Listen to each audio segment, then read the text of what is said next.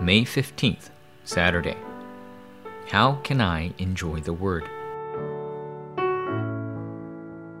Isaiah chapter 40, verse 8. The grass withers and the flowers fall, but the word of our God stands forever. The word of God is being fulfilled even now, but many people have lost hold of this truth and do not really believe. In particular, pastors and lay leaders have been entrusted with many things, yet they are unable to truly place God's word in their hearts. Let's think about how we'd feel if the word we heard today was fulfilled. Number one, we must discover the word through meetings and incidents. When we meet new people, we must think what is the message God wants to give to this person? On their way to pray, Peter and John met a crippled man. In the name of Jesus of Nazareth, walk. At this, the crippled man stood up. Philip relayed the gospel to the Ethiopian eunuch whom he met in the desert. What would have happened if at this time he had said something else?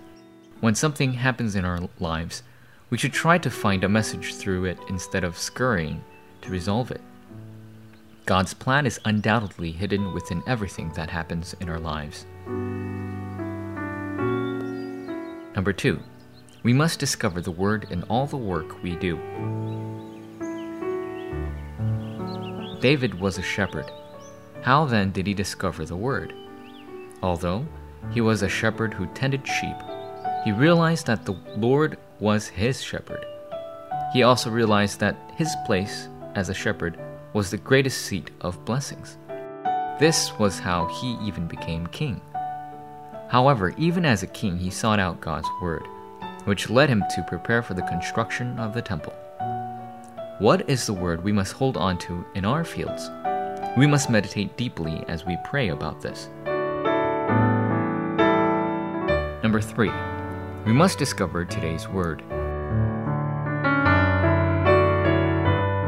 Thinking to, about today's word on a daily basis, we must discover the covenant while meditating upon the pulpit message. We will fail if we have grudges, worries, and unbelief in our hearts instead of the Word.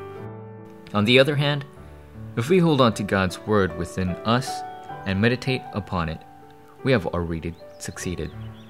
God has already prepared new grace and new answers in today's Word. Forum topic How are you listening to God's Word in your everyday life? Are you experiencing word fulfillment? What is the method by which you can enjoy the Word today?